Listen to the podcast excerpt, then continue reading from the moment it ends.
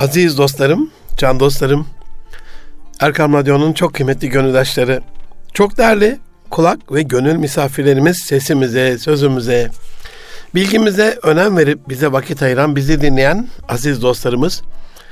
Hepinizi Hüdayi Çamlıca Külliyesi'nden, Erkam Radyo Genel Merkez'den sevgiyle, saygıyla, duayla, muhabbetle, hürmetle selamlıyorum. Efendim hepinize hayırlı günler diliyorum. Erkam Radyo'dasınız.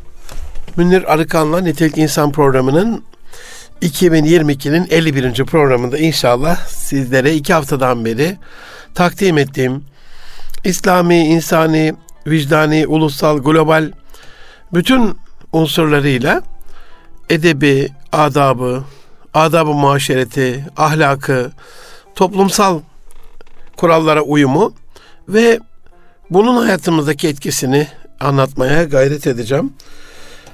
Kaynağı bizde olan kadim derlerin bize aktardığı, Rabbimizin birçoğunu bize emrettiği, Resulullah Efendimiz Aleyhisselam'ın tavsiye ettiği unsurların bizlerce hızlı bir şekilde unutularak Batı tarafından kabulünü ve Batı'da gördüğümüz kadarıyla yeniden bize Batı'dan intikalini sizlerle konuşuyorum bu programda. Aziz dostlarım 2022'nin son iki programı artık 2023 e, birinci program itibarıyla eli kulağında yeni yayın döneminde nitelikli insanın yeni yayın dönemi, radyomuzun yeni yayın dönemi Eylül ayında oluyor biliyorsunuz. Ama ben programları yıllık hazırlıyorum. İşlememizi arzu ettiğiniz konuları, konu başlıklarını, arzu ettiğiniz konuk etmemizi düşündüğünüz e, kişileri, güzel insanları, gönlü güzel insanları haberdar ederseniz bizimle alakalı mutlu oluruz. Eleştirileriniz başımızın tacıdır. Her eleştiri bizim için bir hediyedir. Her feedback, her geri bildirim sizden bize bir hediyedir. O anlamda sesinizi duyurmanızdan büyük memnuniyet duyarız. Duygularınızı, düşüncelerinizi nitelikli insan et erkamradyo.com e-mail adresinden ya da et münirrikan ya da et erkamradyo tweet adreslerinden bize yollayabilirsiniz aziz dostlarım. Can dostlarım en son zannediyorum 47. E, maddede kalmıştık. Akşam da Haznedar'daydım. Allah razı olsun Merkez Cami Vakfı çok güzel bir organizasyon yapmış. Çok çok teşekkür ediyorum bütün emeği geçenlere. Orada da bahsettim. Öyle uykusu mesela sorduğumuz zaman hemen hemen salonda bütün eller kalktı. Akşam da sordum. Hani biliyor musunuz öyle uykusu nedir? Kaylule nedir? Herkes biliyor. Peki dedim öyle uykusu uyan var mı? Hiçbir yer kalkmadı. Ama hani bu kadim gelenek, bu güzel sünnet-i seniye, bu Allah Resulü'nün bize olan emaneti şu anda Avrupa'da başta olmak üzere Amerika'da, Uzak Doğu'da, gelişmiş ülkelerde ilk 20 G20 dediğimiz ülkelerde uygulanıyor. Hatta en son Almanya'da büyük bir şirketin uyku odası diye böyle bir yer tezyin ettiğini, personeline öyle uykusuyla alakalı orada yarım saat 45 dakika uyuma izni verdiğini, o odayı da akvaryumlarla, masaj koltuklarıyla, oksijen terapi üniteleriyle desteklediğini, dolayısıyla hani madem uyuyorlar kaliteli bir uyku çeksinler anlamında onlara destek olduğunu görmüştüm. Yüreğim cız etti. Yani bu Allah Resulü'nün bize emaneti. İnanın iki unsur diğer unsurların yanında onları hani saymamak şu anda programın gereği Yoksa İslam'da rızık bolluğuna vesile olan birçok şey unsur var. Bunların en birincisi helal rızık peşinde koşmak. En önemlisi anne babaya hürmet. En önemlisi akla, ziyaret ilişki koparmamak. Hani bunlar konumuz gereği bu gündemde değil. Ama konumuzla ilgili olarak iki şeyi arz edeyim. Batı baktığımız zaman sabah dört dört buçukta kalkıyor aziz dostlarım. Yani malumunuz seher vakti gecenin son üçte ikisinde hani şimdiki saate göre bakarsak saat birden sonraki bu 6.45 6.46'ya kadar 47'ye kadar olan hani seher, söhür, sahur oradan anlamamız gerekiyor. O vakitteki o ara vakitteki en bereketli vakit ben ne kadar başarılı iş adamıyla, iş insanıyla röportaj yaptıysam, mülakat yaptıysam, dünya çapında başarılı ne kadar insanın otobiyografisini, hayat öyküsünü incelediysem ortak sırlarının ilk beşteki maddelerinden bir tanesi buydu. Saat üçten sonra, dörtten sonra, dört buçuktan sonra uyumamak. Ben bunu e, bizim iş adamlarımıza önerdiğim zaman Ya hocam şöyleydi böyleydi diye birçok bahane geliyor. Aynı şekilde ikinci unsurda İslam'da rızık bolluğunun rızka gelen bereketin vesilesi olarak öğle uykusu. Hani bu öğle uykusunda yaptığınızda hem ömrünüze hem rızka nasıl bereket geldiğini göreceksiniz aziz dostlarım. Can dostlarım bir başka unsur hani 47. madde öğle uykusu dersek 48'e seher vaktinin yası dersek 49. madde mesela eczacıların diyelim ama diğer esnaf da bununla aynı şekilde hani bir alışveriş yapıyorsunuz orada.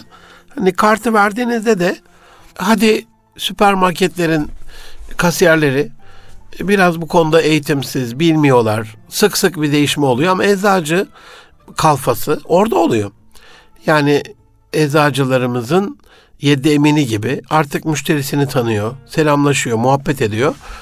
Yani bir kere de bir kartı verdiğinizde mesela üstünde yazan isme bakıp şöyle bir bakıp oraya Ha Münir Bey öyle mi? Yani başkasının kartını da kullanıyor olabilirim. Yok benim adım Ahmet dersiniz geçersiniz.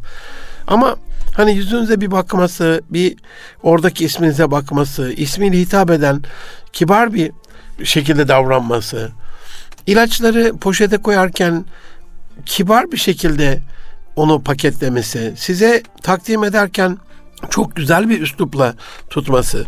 Bazı hanımefendilere bakıyorum ben. Allah edeben ebeden razı olsun bu edepten dolayı. Yani eliniz elinize değmeyecek şekilde öyle bir nazik bir şekilde tutuyorlar. Öyle bir güzel bir şekilde takdim ediyorlar ki mutlu oluyorsunuz o edepten dolayı. Hani Resulullah Efendimiz sallallahu aleyhi ve sellem ne diyor? Ben diyor muhakkak ki güzel ahlakı tamamlamak üzere gönderildim. Ne diyor? İslam güzel ahlaktır diyor. Dolayısıyla Allah'ımız ne buyuruyor? Muhakkak ki fe inneke ala hulkul azim. Sen muhakkak ki güzel ahlak üzeresin diyor. Yani İslam'a baktığımız zaman özünde güzel ahlakı görüyoruz. Ama hayatımıza baktığımız zaman aynı öğle uykusu gibi bilgi olarak var ama uygulama olarak hayatımızdan edep, adap, nezaket, görgü, naziklik, narinlik, incelik kalkmış durumda. Febime rahmeti min Allah ilinte lehum ayeti kelimesini nereye koyacağız aziz dostlarım? Yani hata üstüne hata yapmış, savaşta neredeyse hezimete uğramalarına vesile olmuş Aynen tepesini, Oksurat tepesini terk eden sahabe-i güzinine iyi davranmasıyla alakalı sen Allah'ın rahmeti dolayısıyla onlara yumuşacık davrandın, çok nazik davrandın, çok kibar davrandın.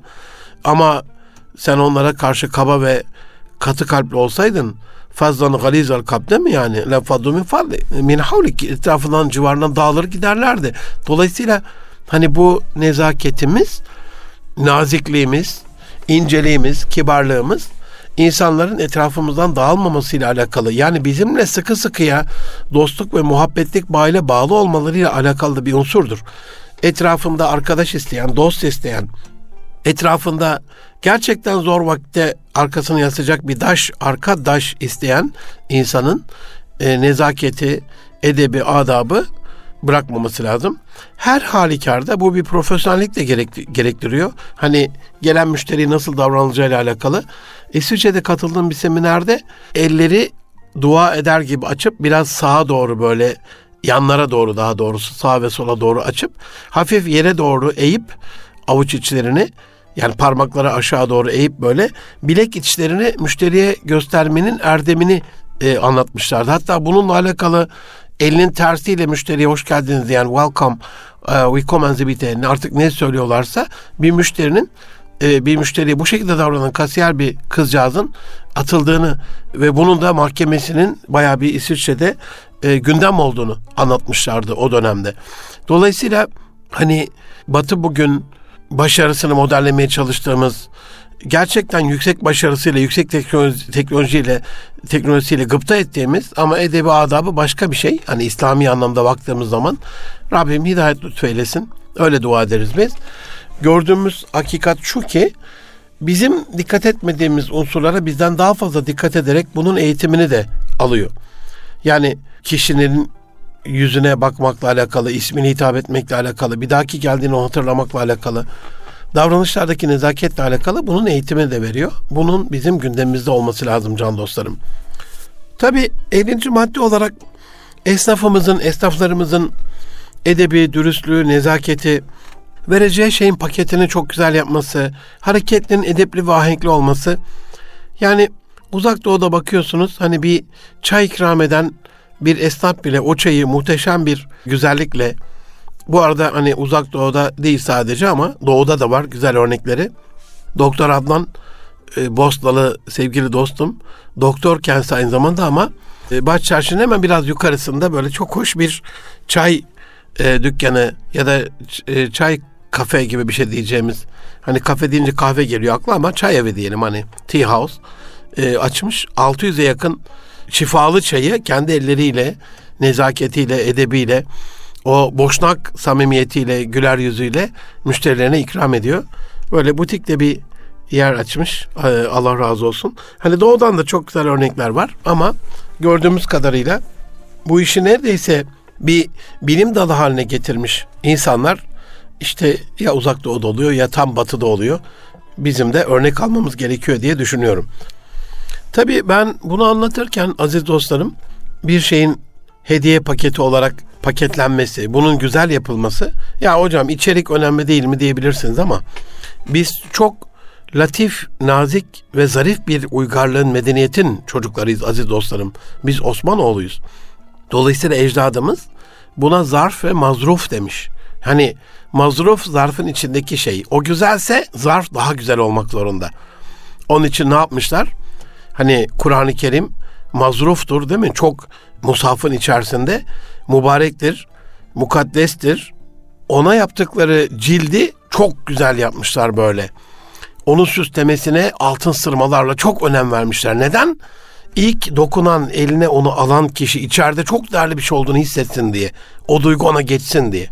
Bu anlamda ecdadımız bu yüzeysellik değil, dış görünüşe önem verme değil. Bizatihi içe değer vermeyle alakalı bir şeydir. Paketsiz, hediye paketsiz, güzel böyle bir sarıp sarmalamadan mesela çeyizlikler gider, gelin bohçası denir değil mi? O bohça batının hiçbir zaman ulaşamadığı bir uygarlık seviyesidir. Hiçbir zaman ulaşamayacağı. Özel ipek sırmalarıyla, gümüş sırmalarıyla, altın sırmalarıyla, özel inci işlemeleriyle, iğne oyasıyla muhteşem bir el emeği göz nuru bir unsurdur. Aslında bohçanın paketidir yani. En dışındaki şeydir. Önemli olan içeriktir. Ama eğer siz gelin hanıma değer veriyorsanız, gelin kızınıza değer veriyorsanız, onun için aldığınız değerli kıyafetlerin, çeyizliklerin kaplayacağı ya da onun paketleneceği o bez parçasına da inanılmaz bir önem vererek e, gelin bohçasının çok değerli olmasını sağlamanız gerekiyor. Dolayısıyla tekrarlamak isterim. Bu bir yüzeysellik ya da dış görünüşe önem verme, yekrükümye harekatı falan değil. Bu gerçekten içe verdiğiniz değerin, nezaketin liyakatiyle dışı da güzelleştirme çabanız olsa gerek. Can dostlarım 51. madde eczacıların, esnafların kasiyerlerin size isminizle hitap etmesinin önemi birse, doktorların isminizle hitap etmesinin önemi bindir. Çünkü hayati bir önemi vardır bunun. Öbürü nezaketle alakalıdır. Bu hem nezaket hem hayatiyetle alakalı bir şeydir. Böyle konsültasyon yaparlar. Polikliniğe gelirler sabahları ve öğleden sonra iki defa. Profesör başta yanında doçent, yardım doçent, asistanlar, öğretim görevlileri, yeni intern öğrenciler, Kalabalık bir heyet gelir böyle. Hastamızın neyi vardı? Asık bir suratla profesörümüz sorar. Yandı gülüm keten elva. Yani acı bir ateş kavurur yakar yüreğini hastanın. Anlayan da olmaz. Bununla alakalı Patch Adams diye bir film var. İzlerseniz çok mutlu olurum. İletişimin, güler yüzün, insanlara ismiyle hitap etmenin önemini anlatan ve bunu da tıp alanında hasta doktor münasebetiyle alakalı anlatan, doktorun dolayısıyla isminizle hitap etmesinin sizin iyileşme sürecinize, kendinizi iyi hissetme sürecinize olan katkısını da bilimsel olarak inceleyen muhteşem bir filmdir. Tavsiye ederim. Doktor hastamızın neyi var değil de Münir Bey'in neyi var diye sorduğunda hatta neyi var değil aa Münir Bey böbrek ameliyatı olmuştu. Bugün nasıl acaba? diye Münir Bey bugün nasılsınız? diye size isminizle hitap ettiğinde kendinizi çok daha değerli hissedersiniz. Önemsendiğinizi bilirsiniz. Orada önemli olduğunuzu, size değer verildiğini bilirsiniz. Hatırlandığınızı bilirsiniz. Dolayısıyla içten içten böyle ya burada bana karşı bir yanlış olmaz. Burada her şey kontrol altında. Bura güvenilir bir kurum gibi. Kendi içinizde kendi kendinizi tedavi etmeye başladığınızda Allah'ın izniyle doktorun da size uyguladığı tedavi, terapi, ilaç, ameliyat artık ne tür bir tedavi unsuru kullandıysa bunun faydası da çok daha güzel olacaktır. Aziz dostlarım 53. 52. E, madde özür diliyorum. Yine doktorlarımızla alakalı size bir ilaç yazdıklarında bunun kullanımıyla alakalı size ferahlatıcı, açıklayıcı bir bilgi vermesi. Ameliyathanede bir hastanız varsa canınızı oraya emanet bırakıyorsunuz. Size açıklayıcı bir bilgi vermesi. Hastanelerde görüyorum son dönemde. İnanın çok fedakar bir şekilde çalışan sağlık görevlilerini taciz etmek, onları herhangi bir şeyle yaftalamak değil ama 1984'ten beri, ODTÜ'ye girdiği yıldan beri bir şekilde sağlık sektörünün içinde olan, bu alanda Türkiye'de çok başarılı tesisler kurup işleten bir kardeşiniz olarak söylüyorum. Türkiye'nin ilklerindenim bu konuda. Epey bir tecrübem var. 300'e yakın doktor kardeşim, arkadaşım, hocamla çalıştım elhamdülillah. Dolayısıyla yazılı olarak böyle afişler falan görüyorum ama onlar yürek ısıtmıyor, yüreği ferahlatmıyor. İşte hasta haklarıyla alakalı şunu yaparsınız, bunu yaparsınız.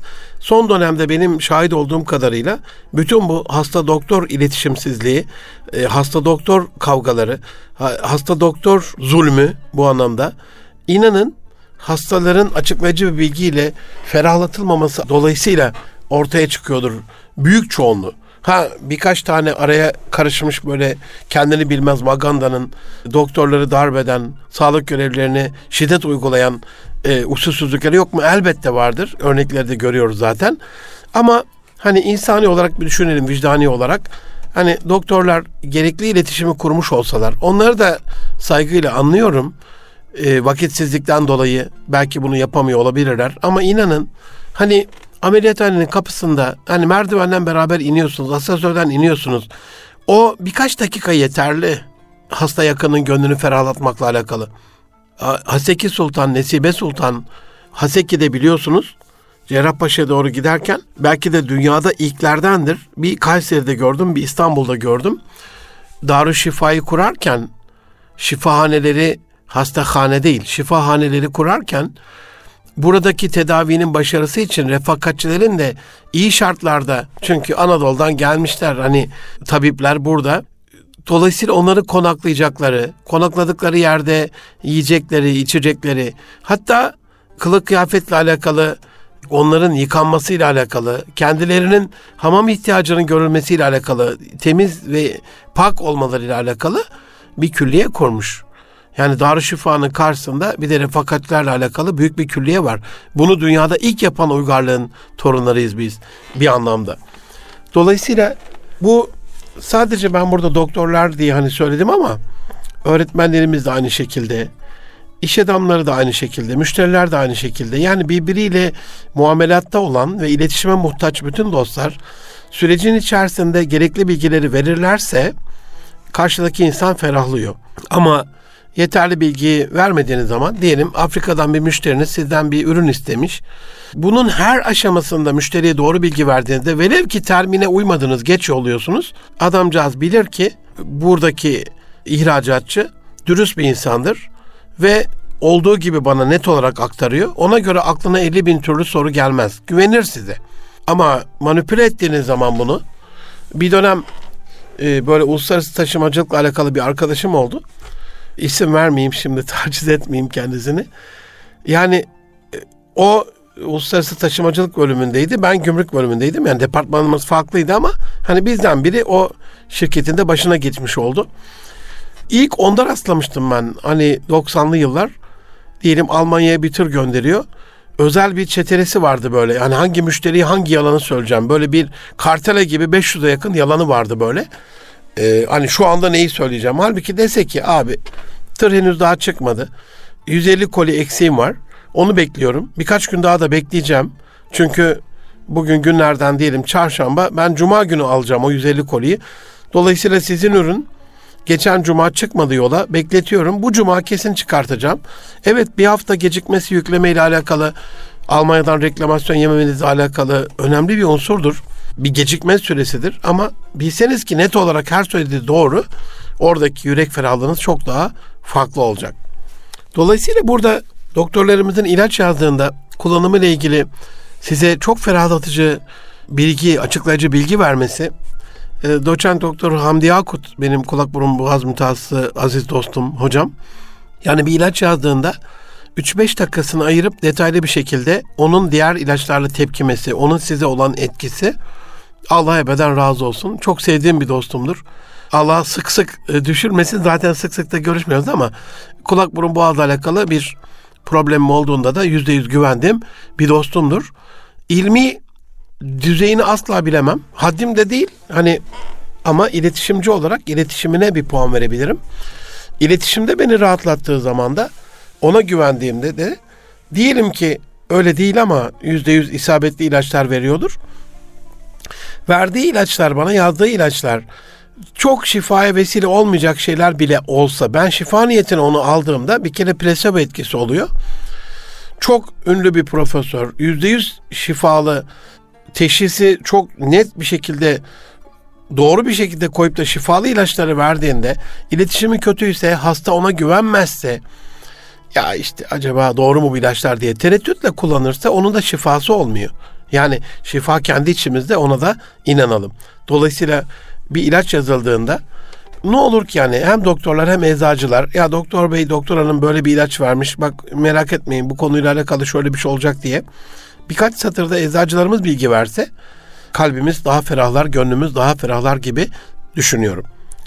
Can dostlarım, ilaç yazımında doktorların bilgisinin e, katsayısı birse sizi ya da bir yakınınızı ameliyat edecek doktorların yeterli ve rahatlatıcı bilgi vermesinin katsayısı bindir. 53. maddede de buna biraz değinmek istiyorum.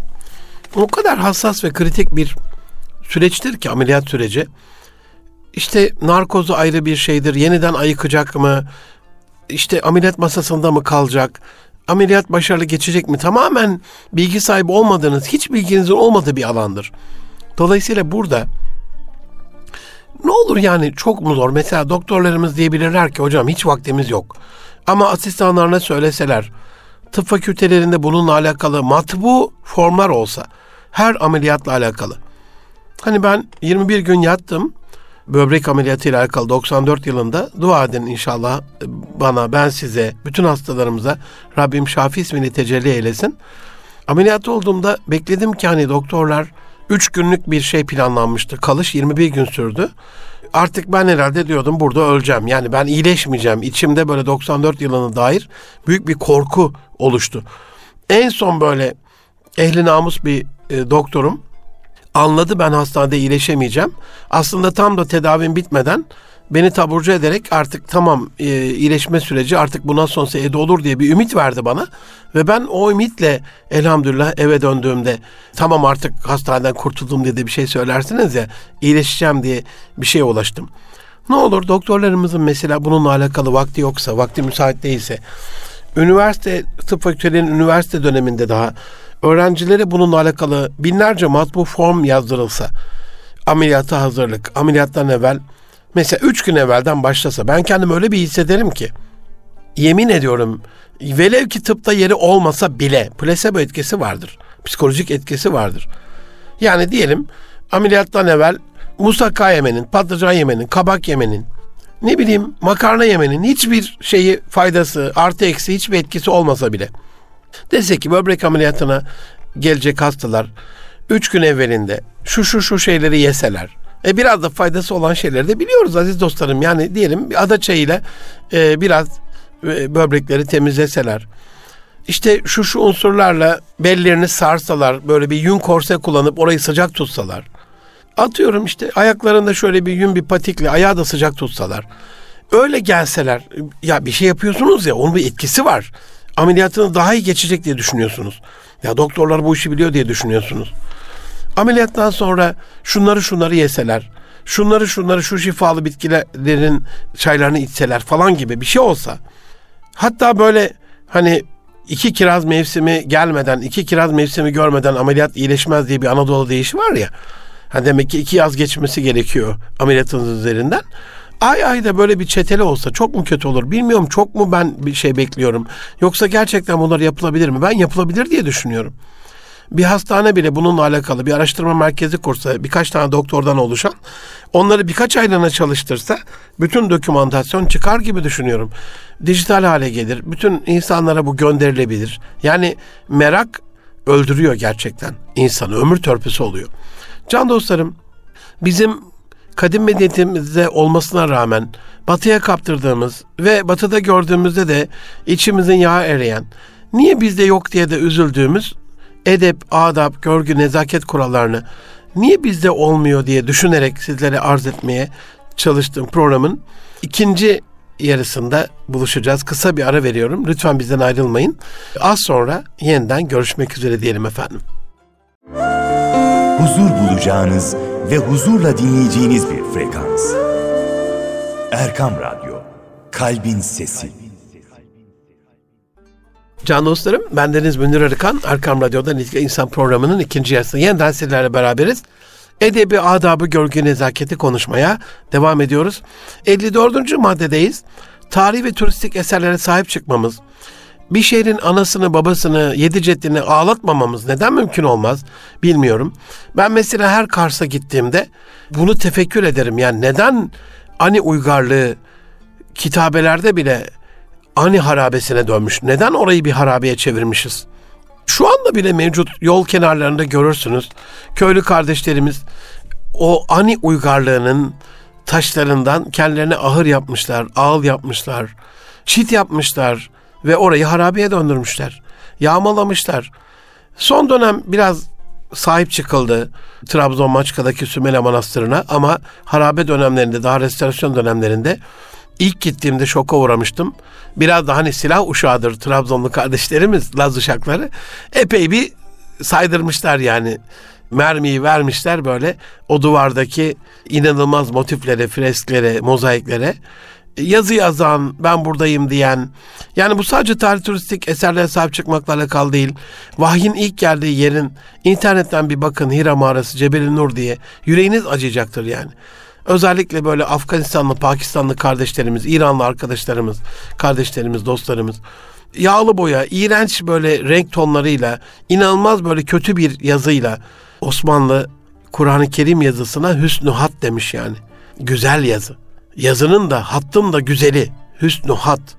Söylemesi bile güzel. Söylemesini bile güzelleştirmiş kurban olduklarım. Hiç öyle yazılır mı oraya? Kur'an-ı Kerim hani Mekke Medine'de nazil oldu. Buhara Semerkant'ta anlaşıldı. Mısır'da okundu ama İstanbul'da yazıldı. En güzel hattatlarımız Hüsnü Hat sanatının zirvesinde Allah kelamı Kur'an-ı Kerim'i en güzel şekilde, en güzel kağıtlara, en güzel, en kaliteli mürekkeplerle inanılmaz böyle ölümsüzleştirmişler değil mi? Aynen öyle. Neden böyle bir insan Arafat'a çıktığında o rahmet taşının üzerine adını yazar, eşinin adını yazar, tarih atar, orayı kazır. Anlaşılmaz bir saygısızlığımız var. Dolayısıyla hani o tarihi eserlerde gelecek kuşaklara anlatılacak, geçmişle geleceğin köprüsünün kurulacağı bir bağ var. Dolayısıyla hani ben bakıyorum İstanbul'a. Biz 1453'te almışız bu şehri.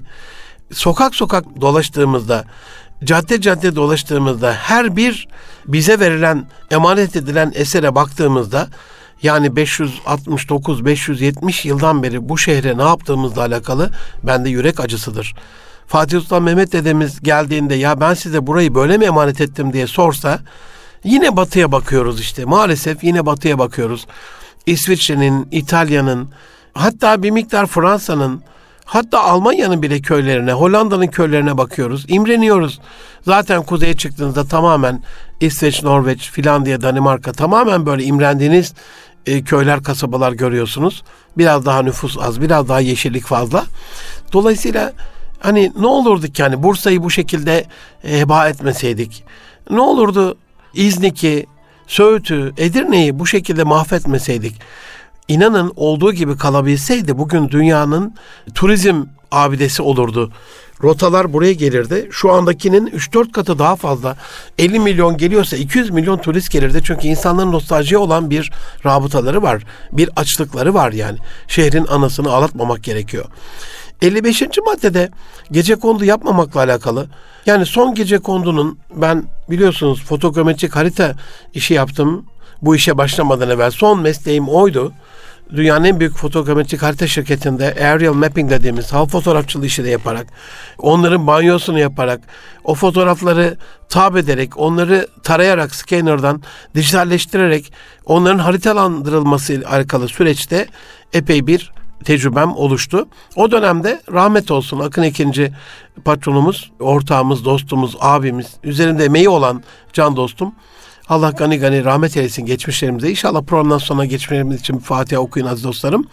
Son Gece Kondu'nun 1956 yılında Budapeşte'de yapıldığını anlatmıştı. Karadeniz Teknik Üniversitesi'ndeki bir sunumunda. Dolayısıyla kul hakkı değil mi? Vebal değil mi? Ama son 70-80 e, yılına baktığımızda Cumhuriyetimizin bunu siyasilerin bir çıkar bir menfaat unsuru olarak kullandıklarını, oy devşirmek adına devletin kasasından oraya geceliğin konacak olan hırsızlara orayı peşkeş çektiğini. Ya hocam çok ağır olmadı mı? O vatandaşlarımız hırsız mı? Yani hazinenin arazisi olduğuna göre devlet malına çökmekle alakalı ve o devletin malında da hepimizin hakkı olduğuna göre hani bir kişinin arazisine çökmüş olsa bir kul hakkı vebal çok daha ama Beytül Male çöküş devletin hazinesine çöküş çok büyük bir vebal olsa gerek. Böyle de otomatiğe bağlanmış bu. 50'li yıllardan sonra hatta 40'lı yıllardan sonra nasıl olsa seçim e, sonrasında affa uğrayacak. Bu bölge o partiye oy verirse bizi affedecek diye böyle siyasilerin seçmenleriyle bir al gülüm ver gülüm diye devletin hazinesini talan ettiği bir usulsüzlüğe, edepsizliğe dönmüş. Ama büyük bir vebal olduğunu düşünüyorum. İlla gece konduyla alakalı değil ama ruhsatsız yapılan, plansız yapılan, planlamasız yapılan ya hocam hep, hep de böyle batıdan veriyorsun örnek dediğinizde e, güzel örnekler orada olduğunda oradan örnek veriyoruz. En son İsviçre'ye gittiğimde aziz dostlarım e, televizyon antenleri görmüşsündür. Telsiz antenleri. Televizyon kuleleri biraz daha büyük oluyor. Böyle bir Eyfel Kulesi'ne benzer bir yapıda. Ama telsiz anteni görmüşsünüzdür. İncecik böyle upuzun minare boyunda. Bir bina ne kadar uzunlukta olacaksa 6 ay öncesinden oraya o antenleri dikerek oradaki komşulara söylemiş oluyorlar ve göstermiş oluyorlar sürekli göz önünde. Hani öyle bir manipülasyonla, rakamlarla oynayarak, dosyayı manipüle ederek, aa öyle dememiştik biz aslında böyle demek istemiştik gibi lafı çevirmiyorlar. Siz resmen görüyorsunuz yani binanızın önü ne kadar kapattığını, kapatmadığını, e, şehrinizde mahallenizde ne kadarlık bir bina olacağını. Dolayısıyla ona göre o mahallenin e, referandumu yapılarak onların da izni alınarak bir yapı yapmış oluyorlar.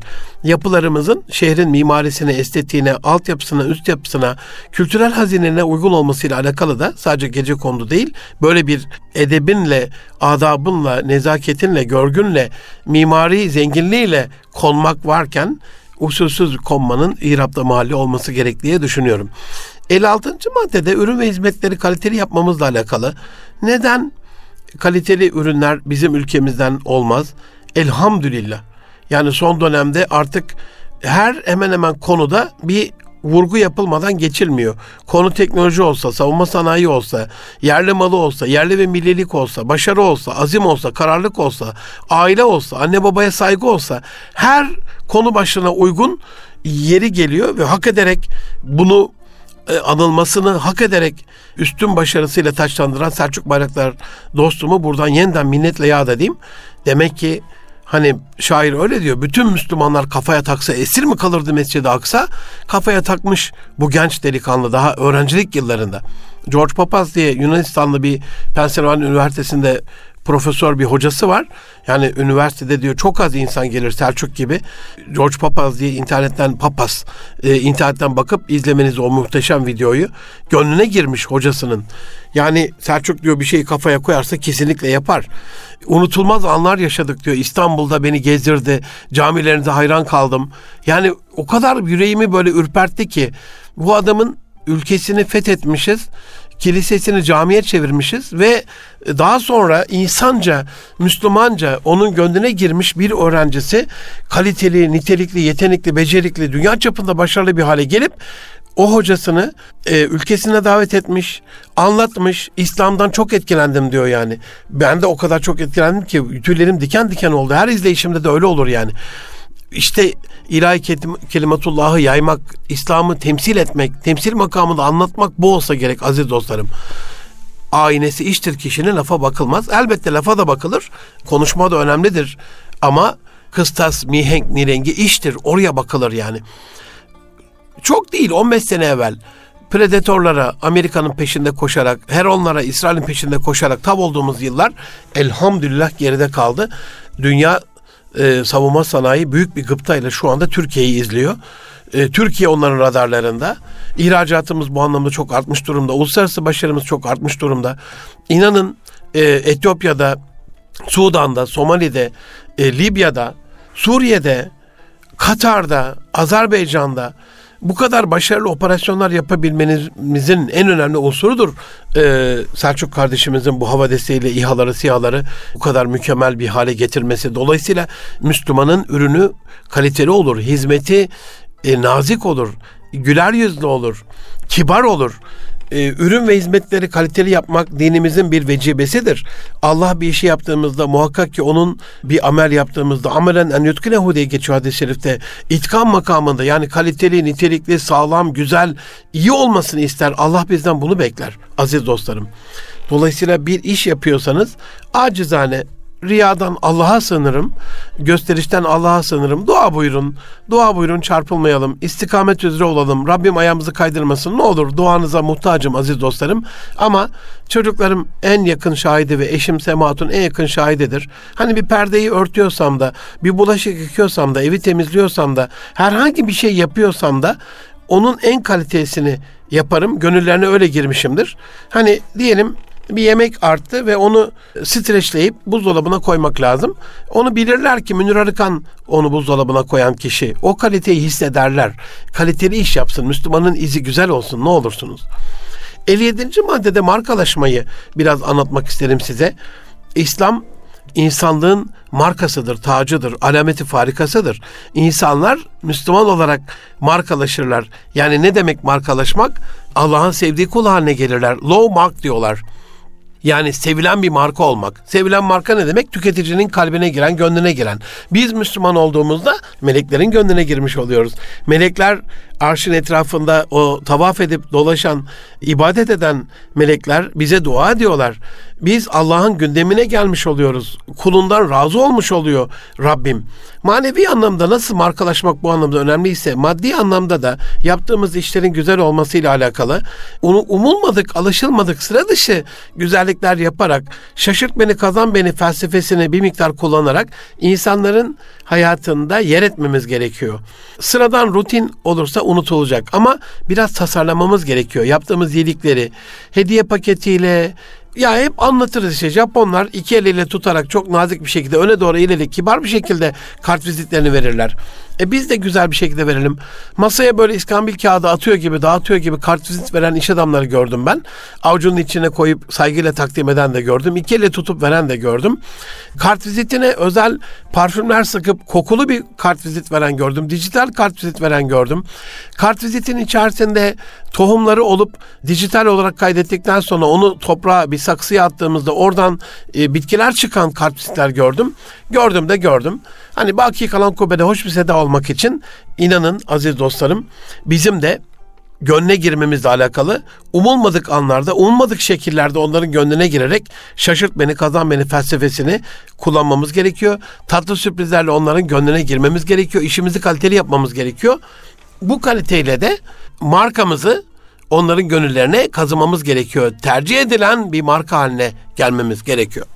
Can dostlarım son olarak ya da son iki maddede eleman çalıştırırken kendi düşüncemize ve kafamıza göre değil, işin gereğine göre, liyakatine göre, oluruna göre, liyakat esaslı bir eleman istihdam etmek.